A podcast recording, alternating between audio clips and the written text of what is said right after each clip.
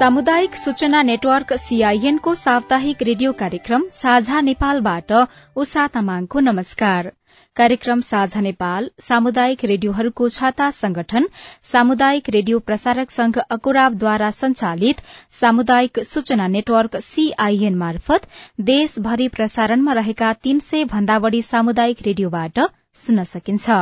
साझा Nepal डब्लूडब्लूडब्लू dot CIN खबर dot कममा इन्टरनेट मार्फत चाहेको बेला विश्वभरि सुन्न सकिन्छ भने मोबाइल एप सीआईएन र हाम्रो फेसबुक पेज सीआईएन खबर मार्फत पनि सुन्न सकिन्छ।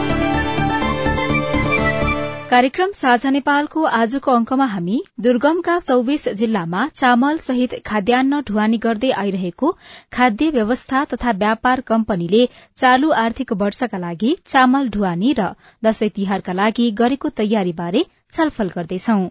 नेपालमा कुल जनसंख्याको सात दशमलव आठ प्रतिशत जनसंख्या खाद्य असुरक्षाको चपेटामा छन्। खास गरी उत्पादन कम हुने रोजगारीको अभाव रहेको र यातायातको सहज पहुँच नपुगेको कड़ाली सहित हिमाली र उच्च पहाड़ी चौविस जिल्लाका नागरिक धेरै गरीब रहेको र खाद्य असुरक्षा झेलिरहेको सरकारी तथ्याङ्क छ। वर्षभरि खाद्यान्नको अभाव भइरहने यी जिल्लामा चाडबाड़मा खाद्यान्न अभाव हुन नदिन सरकारले कस्तो तयारी गरिरहेको छ? सुनौ यो रेडियो रिपोर्ट। पहिला त ए यस्तो लाइन लाग्नु पर्दो पाँच केजी पनि पाइँदैन थियो। दिनभरि अब एक घरका दुई चारजना गरेर खान्थे पहिला। बाजुरा बुढीनन्दा नगरपालिकाका अम्बिका बोहरा। उब्जनी कम हुने तथा खाद्यान्न आपूर्तिका लागि यातायातको सहज व्यवस्था नहुने हुँदा बाजुरामा खाद्यान्नको अभाव भइरहन्छ। अहिले केही परिवर्तन भएको छ तर निजी क्षेत्रले गर्ने खाद्यान्नको आपूर्ति महँगो पर्ने हुँदा नागरिक खाद्य संस्थानकै भर पर्ने गरेका छन्। पचास पचपन्नदेखि नै देखि पनि रहेछौँ हामीले पनि लिइरहेछौँ खाइरहेछौँ। अब बाँचुन्जेलसम्म यही चामल नै खाएर बाँचिएला जस्तो छ मरिएला पनि त्यस्तै छ। खाद्य व्यवस्था तथा व्यापार कम्पनीले बिक्री गर्ने चामल तथा अन्य खाद्यान्नको मूल्य बजार भाव भन्दा केही सस्तोमा पाइने हुँदा दुर्गम क्षेत्रका नागरिक खाद्यकै भर पर्ने गरेका हुन्। विशेष गरी चाडपर्वको समयमा पर्याप्त खाद्यान्न पाइँदैन कि भन्ने चिन्ता उनीहरूलाई लागि नै रहन्छ। धेरै जग्गा भनेको तिन चार महिना भ्याउँदो न तर सबैको त्यस्तै त हो त समस्या खाद्यको छ त महिनाको महिना एक दुई तिन कट्टा चामल खाएकै छौँ। मान्छे बिरामी गाडी पाउने अवस्था छैन भनेपछि अब चामलको लागि त गाडी को पुगाइदिने भयो? सरकारले चालू आर्थिक वर्षका लागि चामल ढुवानी गर्न अनुदान स्वरूप सड़चालिस करोड़ त्रिपन्न लाख विनियोजन गरेको छ। दुर्गमका जिल्लामा यातायातको सहज पहुँच नपुगेकै कारण चामलको मूल्य भन्दा चार गुणा बढ़ी खर्चिएर कम्पनीले हेलिकप्टरबाट ढुवानी गर्दै आइरहेको छ। त्यसैले पनि खाद्यान्न महँगो हुने गरेको छ। सभा स्थित भोट खोलाका हृदर भोटे। यो खाद्यान्न चामल चाहिँ किन त्यतिसम्म पर्न जान्छ त्यहाँ? सर्वसाधारणले त चाहेको छ त्यहाँ किनभने चाइना बन्द छ माथिबाट खाद्यान्न आउन छोडेको छ। त्यसलाई कतिपय त्यहाँको जनतालाई मार परिरहेछ। चालू आर्थिक वर्षका लागि एक लाख छयासी हजार सात सय क्विन्टल चामल तथा खाद्य वस्तुको समेत ढुवानी प्रक्रिया अघि बढ़ाइएको छ। यस वर्ष सबैभन्दा बढ़ी हुम्लामा एकतीस हजार पाँच सय डोल्पामा छब्बीस हजार आठ सय जाजरकोटमा बीस हजार मुगुमा उन्नाइस हजार पाँच सय क्विन्टल चामल पठाउने तय भएको छ। ताप्लेजुङ भोजपुर र रोल्पामा एक हजार क्विन्टल चामल पठाइँदैछ। आवश्यकताका आधारमा अन्य जिल्लामा पनि खाद्यान्न जान्छ तर सधैँ केन्द्रबाट खाद्यान्न पठाउनु भन्दा स्थानीय स्तरमा हुने उत्पादन बढ़ाउनु पर्नेमा विज्ञहरूको जोड़ छ। खाद्यका लागि कृषि अभियन्ता कृष्ण पौडेल। खाने बालीहरूलाई अलि धेरै फल्ने बनाउने हामीले धेरै उत्पादन र उत्पादकत्व बढाउने स्थानीय रैखाने कृषि नबनाइकन अरू हजार कुरा गरेर कुनै अर्थै छैन कि?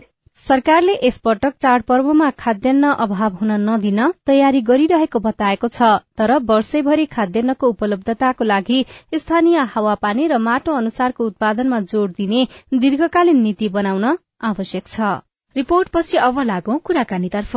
खाद्य व्यवस्था तथा व्यापार कम्पनीले यस वर्ष दशैं तिहारमा खाद्यान्न अभाव नहुने बताएको छ।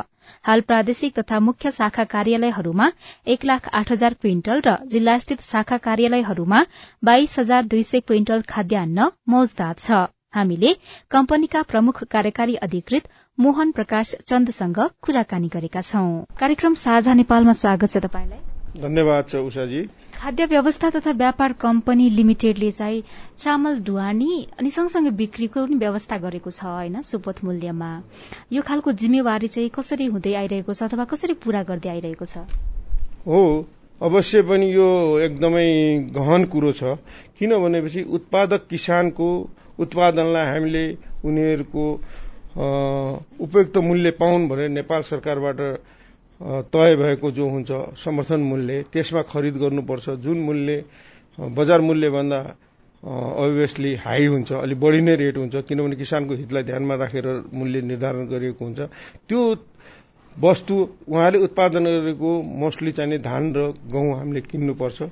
किनेको खाद्य वस्तुलाई प्रोसेसिङ गरेर त्यसलाई चाहिँ दूर दराज जहाँ चाहिने खाद्यान्न डेफिसिट भएका छन् ती जिल्लामा पुर्याएर त्यहाँको जनतालाई सहुलियत मूल्यमा बजार मूल्यभन्दा सस्तो मूल्यमा वितरण गर्नुपर्ने अवस्था आउँछ। त्यसको लाग्दा हामीले वर्षेनी करोडौं रुपियाँ चाहिने व्यवहार आफ्नो तर्फबाट तिरिराखेका छौं। त्यसको अहिलेसम्म शोध भर्ना भइसकेको अवस्था छैन। यहाँ गरे तथापि हाम्रो कर्तव्य हो जनमानसको दिनचर्या र खानको लागि अत्यावश्यक वस्तु खाद्य वस्तु जस्तो कुरो संवेदनशीलमा हामीले कुनै किसिमको हेलचाक्री गर्न मिल्दैन।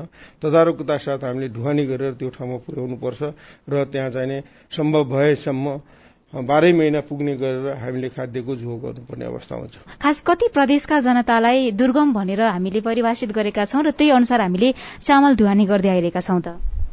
अवश्य पनि हाम्रो नेपाल सरकारले निर्देशन गरे अनुसार पच्चिसवटा दुर्गम जिल्ला भनेर आकलन गरेको छ। त्यसमा पनि कतिपय ठाउँ त खाद्यान्न न्यूनै हुने अवस्था र एकदम मनज्ञ खाद्यान्न पठाउनु पर्ने अवस्था भएको छ र त्यहाँ चाहिँ नै हामीले खाद्यान्न यथोचित हेरेर त्यहाँको डिमान्डलाई हेरेर त्यहाँको मागलाई हेरेर त्यहाँको खाद्य व्यवस्था समितिबाट त्यहाँबाट माग भए आए अनुसार हामीले थप खाद्य वस्तु पठाउने व्यवस्था गरिरहेछौँ। खाद्यान्न गुणस्तरको कुरा गर्दाखेरि चाहिँ खाद्यले ढुवानी गरिदिने चामलको गुणस्तरमा चाहिँ किन प्रश्न उठिरहन्छ? अवश्य पनि खाद्य वस्तु जस्तो एक संवेदनशील वस्तु हो। हामीले खरिद गर्दाखेरि पनि हाम्रो गुणस्तर हुन्छ। गुणस्तर नियमित निकाय हुन्छ। हाम्रो गुणस्तर जाँच गर्ने एउटा हाम्रो विभाग स्तरीय एउटा युनिट हुन्छ। हाम्रो प्रत्येक क्षेत्रमा जहाँ जहाँ खरिद हुन्छ खरिद गर्दाखेरि पनि गुणस्तर भएकै खाद्य वस्तु खरिद गर्नुपर्छ र वितरण गर्दाखेरि पनि गुणस्तरयुक्त खाद्य वस्तुहरू वितरण गर्नुपर्ने बिक्री वितरण गर्नुपर्ने हुन्छ। हामीले हाम्रो गुणस्तर जो फुड टेक्निसियन हुन्छन् उनीहरू हाइली क्वालिफाइड पनि हुन्। उनीहरूले चाहिँ नै राम्रोसँग फुड टेक्निसियन हुन्। उनीहरूले राम्रोसँग खाद्यान्नको प्रत्येक हप्ता दिनमा महिना दिनमा त्यसको रिपोर्टिङ गरिरहेको हुन्छ उनीहरूले अब्जर्भेसन गरिरहेको हुन्छ। त्यो खाद्यान्नको गुणस्तर खस्किन नदिनको लागि भरमजदुर प्रयास गरेर उहाँले सञ्चय गर्ने व्यवस्था गरेको हुन्छ। यदा कदा कस्तो हुन्छ भने दूर दराज छ पहाड भौगोलिक विषमता छ। त्यसले गर्दाखेरि लाँदाखेरि बाटोमा बाई द वे काहीँ खोलामा भिज्न जान्छ र खच्चरमा लाँदाखेरि आकाशबाट पानी पर्यो भेडापाठाबाट बोक्दाखेरि आकाशबाट पानी परेर भिजेको अवस्था हुन्छ। भिजेको अवस्थामा ठेकेदारले त्यसलाई प्याक गरेर त्यस्तै त्यो प्लास्टिक प्याक भएको हुनाले त्यो देखिँदैन। तुरन्त सुकिहाल्छ सुकिहाल्छ भित्र गएर चामल यता कता कहिले कतै बिग्रिएको अवस्था पनि छ। बिग्रेको अवस्था छ भने त्यस्तो किसिमको भेटिएको अवस्थामा हामीले तुरन्त चाहिँ त्यसलाई चाहिँ बिक्री प्रवर्धन गर्दैनौँ बिक्रीमा लाँदैनौँ। बिक्रीमा इनकेस त्यस्तो गइसकेको अवस्था छ भने तुरन्त त्यसको रिप्लेस गर्ने व्यवस्था पनि छ र हामीले कस्टमरलाई कुनै किसिमको अखाद्य होस् र उनीहरूलाई गुणस्तरयुक्त खाद्यान्न नजाओस् भन्ने हामीले ठूलो प्रयत्न गरेका हुन्छौँ प्रयास गरेका हुन्छौँ। त्यसको बावजुद पनि यदा कदा अब कहिले आउने गरेको छ। तथापि अब अपवादका रूपमा आएका कुराहरूलाई हाम्रो खाद्यलाई पनि जोडेको हुन्छ व्यापारी खाद्यलाई पनि खाद्य खाद्यान्न यसरी कुहियो खाए यस्तो ल्याए जनतालाई वितरण गर्यो भनेर जोड्ने गरे पनि छ। है त्यो भएको हुनाले हामीले जहाँसम्म लाग्छ आफ्नो तर्फ र आफ्नो तह आफ्नो हैसियत जनशक्ति र हाम्रो भौगोलिक अवस्थालाई मध्यनजर गरेर खाद्यान्नको जो गुणस्तरयुक्त गर्ने पहल गर्छौँ। अहिले भर्खरै तपाईँले भन्नुभएको कुरा चाहिँ खाद्यान्न खरिद गरिसके पछाडि ढुवानीको क्रममा र भण्डारणको क्रममा हुने समस्या भयो यो होइन? कतिपय अवस्थामा प्राकृतिक समस्या भयो कतिपय अवस्थामा मानवीय गल्ती त्रुटि पनि हुन सक्लान्। तर पनि खाद्यले किन्ने चामल चाहिँ नर्मली तपाईँले मैले खाने जस्तो चामल खरिद हुँदैन भन्ने पनि सुनिन्छ जस्तो मोटा चामल र अर्को सोना चामल यस्तै मैले के सुनेको थिएँ होइन? त्यसो हो भनेदेखि तपाईँले मैले खाने चामल किन खरिद गरिँदैन? अथवा कस्तो खालको चामल चाहिँ खाद्यले खरिद गरेर वितरण गर्ने गरेको छ त? अवश्य पनि तपाईँले भन्नुभएको कुरा एक गम्भीर छ गहन योग्य छ मनन योग्य छ। हामीले खरिद गर्दाखेरि हाम्रो एउटा प्यारामिटर हुन्छ नेपाल सरकारले निर्धारण गरेको मापदण्ड अनुरूपको खाद्यान्न किन्नुपर्छ। त्यो चाहिने प्रारम्भिक रूपले हामीले सबै फ्याक्टरहरू त्यसको लागि छुट्याएको हुन्छ। यो चामलको लागि यो फ्याक्टर। यति मोइस्चर हुनुपर्ने यति ब्रोकन हुनुपर्ने यति चाहिने फोरेन मेटेरियल हुनुपर्ने यदि चाहिने मिक्स हुनुपर्ने त्यो क्राइटेरिया हुन्छ। त्यो क्राइटेरिया मिट नगरेकोलाई हामीले खरिद गर्दैनौँ ल्याउँदैन पनि लिँदैनौँ पनि। त्यस्तो गर्दा गर्दै पनि खाद्य वस्तु हो। खाद्य वस्तु त आफैमा एउटा पेरिसेबल हो। गुणस्तर हरास त आफै पनि हुन्छ। हुन जान्छ। र हामीले नेपाल सरकारको निर्देशन अनुसार दुई लाख पचास हजार क्विन्टल राष्ट्रिय भण्डारण क्षेत्रमा राख्नुपर्छ र अस्सी हजार क्विन्टल सार्क फुड बैङ्कको लागि रिजर्भ राख्नुपर्ने हुन्छ। तथापि हामीले त्यसलाई रिभल्भिङ गर्छौं। त्यो खाद्य नबिग्रियोस्। एकैचोटि राखिराखेर सधैँभरि त्यो बिग्रिन सक्छ भने त्यसलाई रिभल्भिङ गरेर रोटेसनली चाहिने हामीले फर्स्ट इन फर्स्ट आउट भन्छन्। पहिलो आएकोलाई पहिला निकाल्ने र पछि आएकोलाई पछि निकाल्ने किसिमले हामीले त्यो कर्मबद्ध मिलाएका हुन्छौं। त्यो किसिमले खाद्यान्नहरू परिचालन भएका हुन्छ चामल एकदमै राम्रो हुन्छ। तपाईँले गएर अहिले मेरो हाम्रो आउटलेटमा गएर बुझ्न सक्नुहुन्छ। हाम्रो थापाथली स्थित आउटलेट छ नक्कुमा छ सूर्य विनायकमा छ बगीखाना नजिक पनि हाम्रो यो नेसनल ट्रेनिङको परिसरमा छ। त्यहाँ गएर हेर्न सक्नुहुन्छ चामलको गुणस्तर हेर्न सक्नुहुन्छ परख्न सक्नुहुन्छ। अहिले आम उपभोक्ताले रोचाएका छन्। हाम्रो खाद्य वस्तु र बजारकोमा मूल्यमा पनि धेरै डिफरेन्स छ। क्वालिटीमा पनि धेरै डिफरेन्स छ। पहाड़ दूर दराजमा जाने जुन मोटो चामल छ मोटो चामलको कुरा ल्याउनु भएको थियो। मोटो चामल ल्याउँदाखेरि अहिले चालिस पैंतालिस पर्सेन्ट ब्रोकनका चामलहरू बाहिरी उनीहरूले बेचिरहेका छन्। अवश्य पनि त्यो सस्तो हुन्छ। तथापि हामीले गुणस्तर मेन्टेन हाम्रो त पच्चिस पर्सेन्ट कनिका राखिएका हुन्छौँ। त्यो अनुसार हेर्नुहोस् तपाईँले पर्खनुहोस्। कहीँ कता मूल्य त्यो किसिमले पनि फरक पर्न गएको हुन सक्छ कनिका बढी पर्सेन्ट भएको कारणले त्यसलाई मूल्य घटाएर पनि व्यापारीहरूले दिएका हुन्छन् झुक्याउनलाई। तर क्वालिटी हेर्नुहोस् हाम्रो क्वालिटीमा कुनै किसिमको हेरफेर हुँदैन। दुर्गमका नागरिकलाई अब राम्रै चामल अथवा निजी क्षेत्रबाट पनि खरिद गरेर खाने सुविधा त छ तर पनि भाउ दोब्बर भन्दा बढ़ी महँगिने समस्या चाहिँ हुँदो रहेछ। त्यसैले पनि खाद्यको चामल चाहिँ उहाँहरूको रोजाइमा पर्ने गरेको पाइन्छ।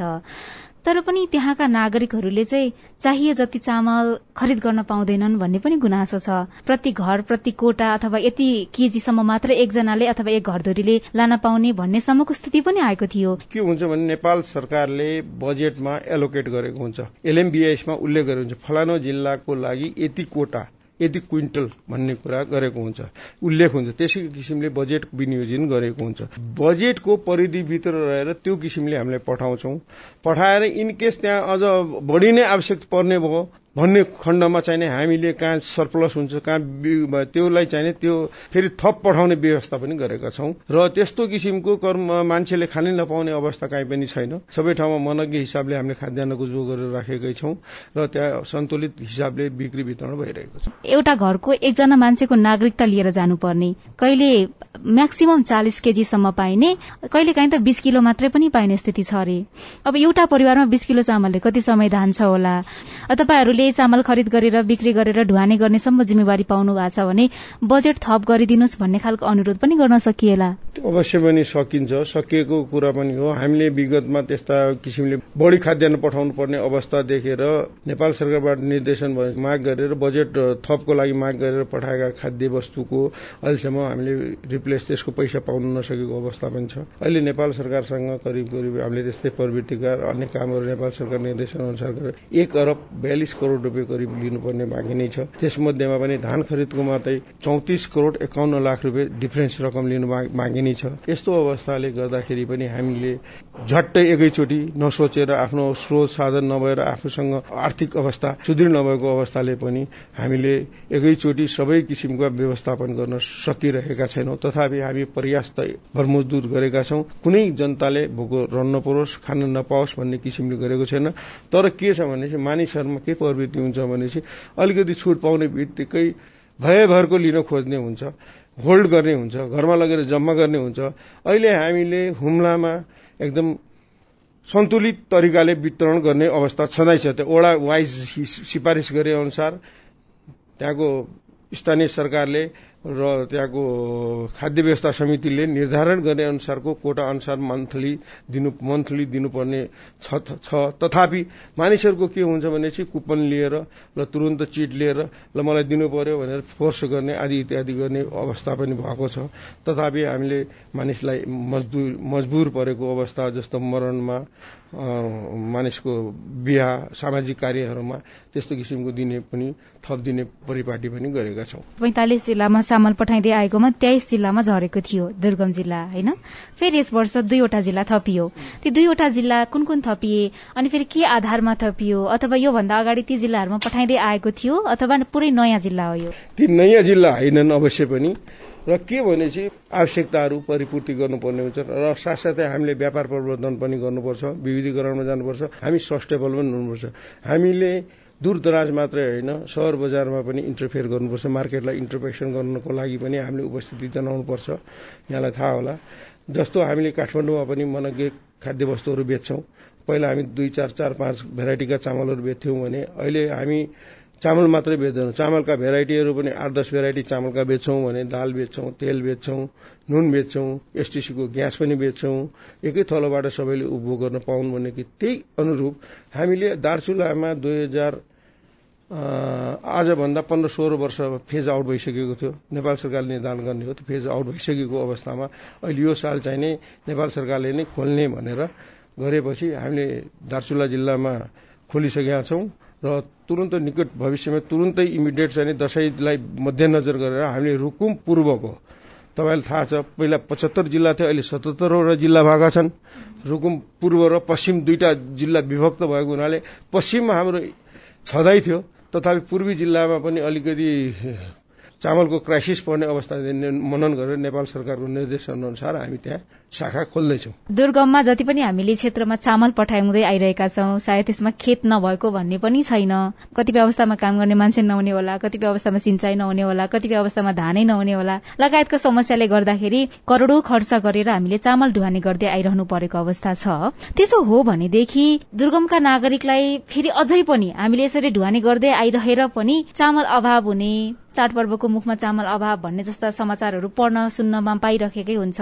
खाद्य असुरक्षाको डर चाहिँ किन भइरहने सधैँभरि? अवश्य पनि हेर्नुहोस् मानिसहरू एकदम अल्छी भए। त्यो सम्बन्धमा त्यहाँको जिल्लाले पनि आफ्नो किसिमको त्यो क्षेत्रका मान्छेले पनि आफ्नो उत्पादन गर्न सक्छन्। एक त यिनीहरूको फुड हेबिट नै बिग्रिसकेको छ। चामल सेतो चामल मात्रै खाने आफ्नो स्थानीय आफ्नो स्थानीय उत्पादनलाई चाहिँ नखाने र उत्पादन पनि नगरिदिने किसिमले गर्दाखेरि आवश्यक पर्ने टटकारो आवश्यकता पर्ने धेरै आवश्यकता पर्ने खाद्य वस्तुमा डिपेन्ड हुनुपर्ने अवस्था छ होइन। त्यो भएको हुनाले हामीले अहिले चाहिँ के गर्दैछौँ भने त्यहाँको स्थानीय रैथानी बालीहरू पनि किन्ने जमर्को गर्दैछौँ। कतिपय कतिपय स्थानीय पालिकाहरूसँग हामी आबद्ध भएर तपाईँहरूले त्यहाँको लोकल मार्केटबाट जे जे उत्पादन हुन्छ किनेर राखिदिनुहोस् हामी त्यो ल्याएर काठमाडौँ अथवा यस्ता सहर बजारहरूमा त्यसलाई प्रमोट गर्छौँ व्यापार प्रवर्धन गर्छौँ भनेर त्यस्तो किसिमको हाम्रो समझदारी पनि भइसकेको छ।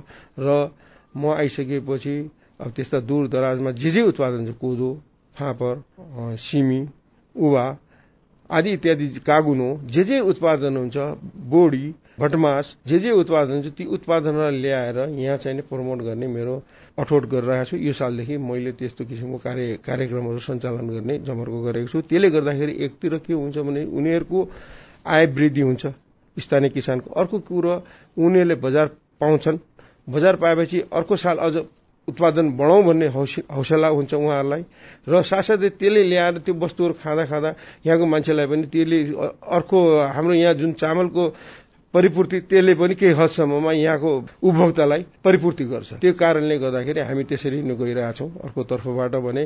अर्को के छ भने चाहिँ मानिसहरूमा अहिले के भइरहेछ भने मानिसहरू एकदम आलिसान भइसके।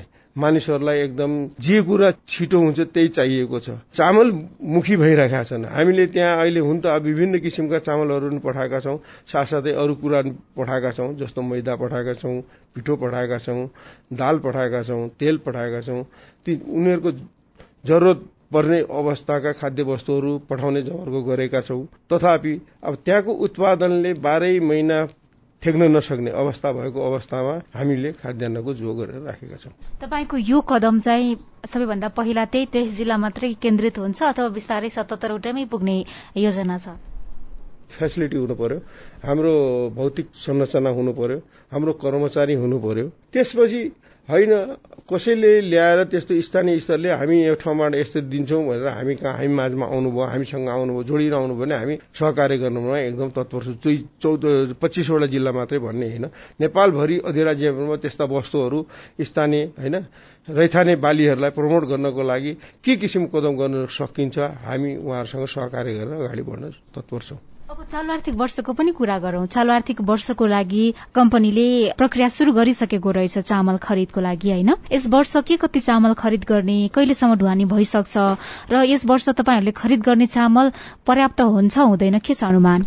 यस्तो छ हामीले चामल अब धान खरिद गर्ने भनेका थियौँ। धान हाम्रो तीन लाख क्विन्टल धान खरिद गर्ने भनेको थियौँ। तर विडम्बना के भयो भनेपछि गत सालको अप्रत्याशित मौसम मा आएको बाढी आएको कारणले हामीहरू यो यो पश्चिम साइड र मध्य तथा पश्चिम साइड सुदूरपश्चिम साइडका सम्पूर्ण धानहरू नोक्सानी भयो। बाली नोक्सानी भएको कारणले त्यहाँ मनग्य खरिद गर्न सकिएन। नसकिएपछि पूर्व साइडमा हामीले खरिद्यौँ तथापि एक लाख क्विन्टल जति हामीले धान खरिद्यौँ करिब करिब त्यसले मात्रै नपुग्ने भएपछि हामीले एक लाख पचास हजार क्विन्टल सन्ताउन्न हजार एक लाख सन्ताउन्न हजार क्विन्टल चामल किन्ने हामीले टेन्डर गऱ्यौँ। टेन्डर गरे अनुरूप खाद्य चामल आइराखेको अवस्था छ अहिले होइन? चामल आइरहेको छ र हामीसँग पनि अहिले करिब करिब दुई लाख क्विन्टलको मौजा छ स्थिति र त्यसले हामी अहिलेलाई चाहिँ नि सबै ठाउँमा पठाउन सक्छौँ वितरण गर्न सक्छौँ र भेट्ने गर्न सक्छौँ वितरण गर्न सक्छौँ। प्रक्रिया यस्तो छ यसको लागि के हुन्छ भने हामीले टेन्डर हुन्छ। वर्षेनी प्रत्येक ठाउँको लागि एक सय सन्तानब्बे स्थानको लागि टेन्डर हुन्छ। कुन कुन सेक्टरहरू सेक्टरहरू हुन् ती ती ती सेक्टरहरूमा ढुवानी भएर जान्छन्। एक सय सन्तानब्बेवटा सेक्टरहरूमा जान्छन् हाम्रो। ढुवानी भएर जाने भएका हुनाले ती सेक्टरहरूको लागि टेन्डर प्रक्रिया भइसकेको छ।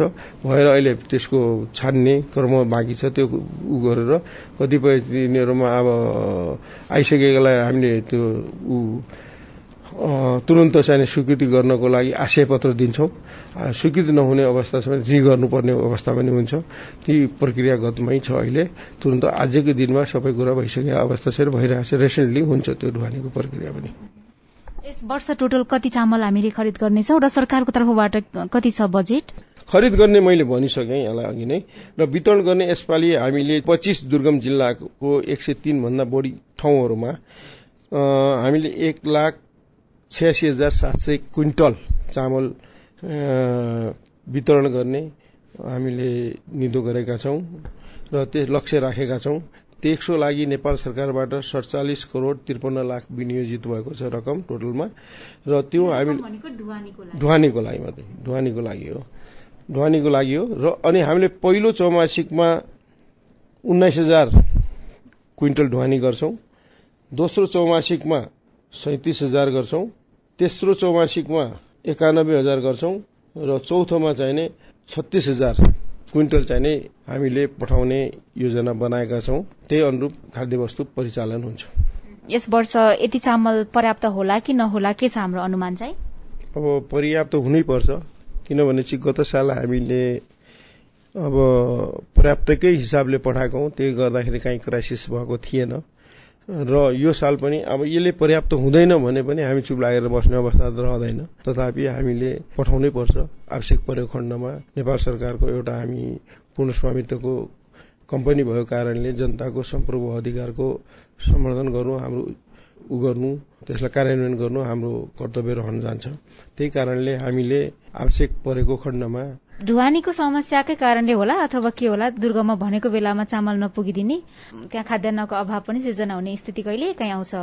यस्तो खालको स्थिति आउनलाई त पक्कै पनि केही न केही तपाईँहरूलाई नै चुनौती समस्या आइपरेको हुन सक्ला। तपाईँहरूलाई खास ढुवानीको क्रममा चाहिँ के कस्ता खालका अथवा खरिदकै क्रममा पनि हुन सक्ला? के कस्तो खालको चुनौतीहरू बढी भन्दा बढी देखिने गरेको छ जसले गर्दा पुग्नुपर्ने ठाउँमा समयमै चामल पुग्दैन? अवश्य गहन प्रश्न राख्नुभयो यो के छ भनेपछि ठेकाद्वारा दिने प्रथा हो। हामीले ठेकेदारलाई जिम्मेवारी लगाउँछौँ। ठेकेदारले टाइमली पुर्याउन नसकेको अवस्थाले गर्दाखेरि त्यहाँ क्राइसिस हुन जान्छ। के हुन्छ भने ठेकेदारले ठेक्कै हाल्नको लागि पनि ठेक्का गरिदिन्छन्। प्रतिस्पर्धा खालि अनावश्यक प्रतिस्पर्धा गर्छन्। स्वच्छ प्रतिस्पर्धा होइन अनावश्यक प्रतिस्पर्धा गर्छन्।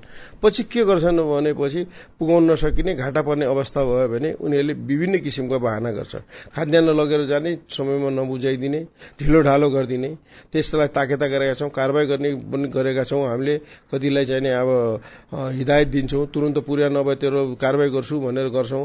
तथापि उसले कर्मिक रूपले पठाउनु पर्ने इमिडिएट पठाउनु पर्ने नपठाएको अवस्थाले त्यस्तो हुन पनि सक्छ। तर पनि हामीले त्यसको लागि वैकल्पिक व्यवस्था गरेर पनि त्यस्तो किसिमको अवस्था सिर्जना हुन दिएका छैनौँ।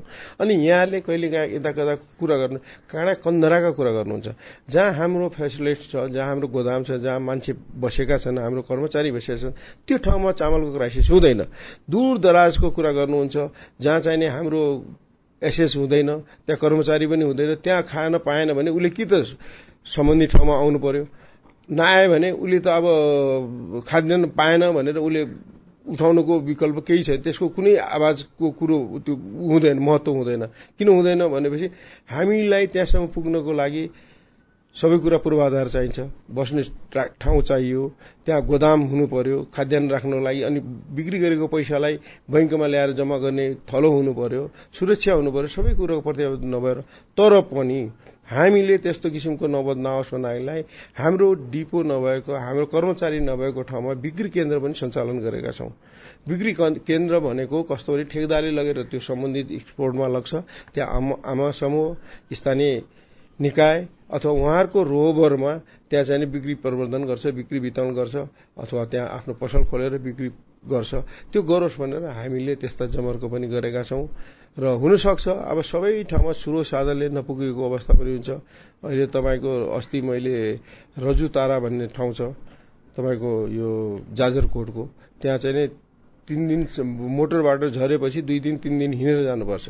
त्यस्तो ठाउँमा चामल जान्छ कि जाँदैन भनेर मैले प्रदेश कार्यालयको प्रदेश प्रमुखलाई गएर तपाईँ आफै भिजिट गरेर त्यो हेर्नुहोस् भनेपछि उसले फुटेज पनि पठायो यो डकुमेन्ट्री बनाएर पनि पठायो। त्यहाँ वास्तवमा क्राइसिस रहेछ जनताले खाँदा रहेछन्। उनीहरूको उनीहरूको आशय पनि उसले गरे। त्यहाँ जनताहरू धेरै प्रफुल्लित रहेछन्। त्यो हुनाले हामीले त्यस्ता किसिमका कार्यक्रमहरू गर्छौँ जहाँ जनताको घर दैलोमा पुगोस् भनेर भर मजदुर रूपले हामी प्रयत्न छौँ र यो कामलाई चाहिँ नै हामी जसरी पनि जनताले खान पाउनुपर्छ। एउटा मात्रै कुरो के हो भने जनताले खान पाउनु पर्यो त्यसै खाने होइन उसले पैसा तिरेर खाने हो। पैसा तिरेर खाएको कुरा उसले पाउनु पर्यो भन्ने हाम्रो पनि मान्यता छ। त्यसमा हामी अवलम्बका साथ लागिरहेको पर्यो अब नयाँ आर्थिक वर्षमा छौँ नयाँ जोर सागर पनि हुन्छ यतिखेर होइन? अन्तिममा मैले तपाईँबाट बुझ्न चाहेको कुरा चाहिँ यो आर्थिक वर्षमा चामलको अभाव हुन नदिनलाई के छ तपाईँको रणनीति र समयमै पुग्नुपर्ने चारवटा किस्ता होइन? त्यतिखेर चामल पुगाउनको लागि चाहिँ तपाईँहरूको तयारी के छ? अथवा समयमै चामल पुग्छ यस वर्ष तपाईँहरूले चाहेको जति चामल खान पाउनुहुन्छ भन्ने ग्यारेन्टी दिन सक्नुहुन्छ? ग्यारेन्टी त यस्तो छ मैले भनिहालेँ त्यो विभिन्न कारणहरू हुन्छ फ्याक्टरहरूले कहिलेकाहीँ बाटोघाटो अवरुद्ध भएको कारणले पनि नपुग्न सकेको अवस्था हुन्छ। कतिपय ठेकदारले बदमासी गरेको कारणले रेट हालिदिन्छन्। अस्वाभाविक र अब जसको लोएस्ट छ त्यसलाई मान्नै पर्छ। हामीले पिपिएमको कानून अन्तर्गत हामीले काम कारवाही गर्नुपर्छ। गरिन्छ तर उसले विभिन्न बाहनामा नपुर्याइदिएको अवस्था पनि हुन्छ। तथापि हामीले त्यस्तो ठाउँको लागि विशेष फोकस गर्छौं। र अहिले यो सालदेखि मैले के गरेको छु भने प्रत्येक त्रैमासिकको भाग लगाइदिएको छु। त्यति पहिलो त्रैमासिकमा यति पुर्याउनै पर्ने उसले। दोस्रो त्रैमासिकमा यति पुर्याउनै पर्ने। तेस्रो त्रैमासिकमा यति पुर्याउनु पर्ने चौथो त्रैमासिकमा यति पुर्याउनु पर्ने। त्यो नोमिनल भयो। त्यसको अलावा आवश्यकता छ भने त्योभन्दा बढी पनि गर्न सकिन्छ। सम्झौतामा उद्धित गरेका हुन्छौँ हामीले। त्यो आवश्यक परेको खण्डमा त्योभन्दा थप पनि गर्न सकिनेछ। र साथै त्यसले बदमासी गर्यो भने त्यसको वैकल्पिक व्यवस्था गरेर अन्य बाटो पनि ढुवानी गर्न सकिने भन्ने प्रावधानहरू अहिले राखेका छौँ। आशा गरौँ त्यस्तो नबद नआओस् त्यस्तो किसिमको जनताले खानै नपाउने त्यस्तो गाह्रो साग्रो नहोस् भन्ने हामी सबैले प्रयास गर्नुपर्छ। त्यसमा हामी लाग्छौँ। हामीलाई समय दिनुभयो यति धेरै जानकारी गराइदिनु भयो त्यसको लागि तपाईँलाई धेरै धन्यवाद। धन्यवाद छ उषाजी उहाँ हुनुहुन्थ्यो खाद्य व्यवस्था तथा व्यापार कम्पनीका प्रमुख कार्यकारी अधिकृत मोहन प्रकाश चन्द। अब भने हामी कार्यक्रम साझा नेपालको अन्त्यमा आइपुगेका छौं। साझा नेपाल तपाईंलाई कस्तो लाग्यो? हाम्रो टेलिफोन नम्बर शून्य एक बान्न साठी छ चार छमा फोन गरेर आफ्नो जिज्ञासा सल्लाह सुझाव तथा प्रतिक्रिया रेकर्ड गर्न सक्नुहुन्छ। हवस् त। आउँदो साता आजकै समयमा फेरि रेडियो कार्यक्रम साझा नेपाल लिएर उपस्थित हुनेछौ। त्यतिन्जेलसम्मका लागि प्राविधिक साथी सुभाष पन्तलाई धन्यवाद दिँदै उषा तामाङ विदा हुन्छु। आउँदो साताको साझा नेपालमा फेरि भेटौंला। नमस्कार।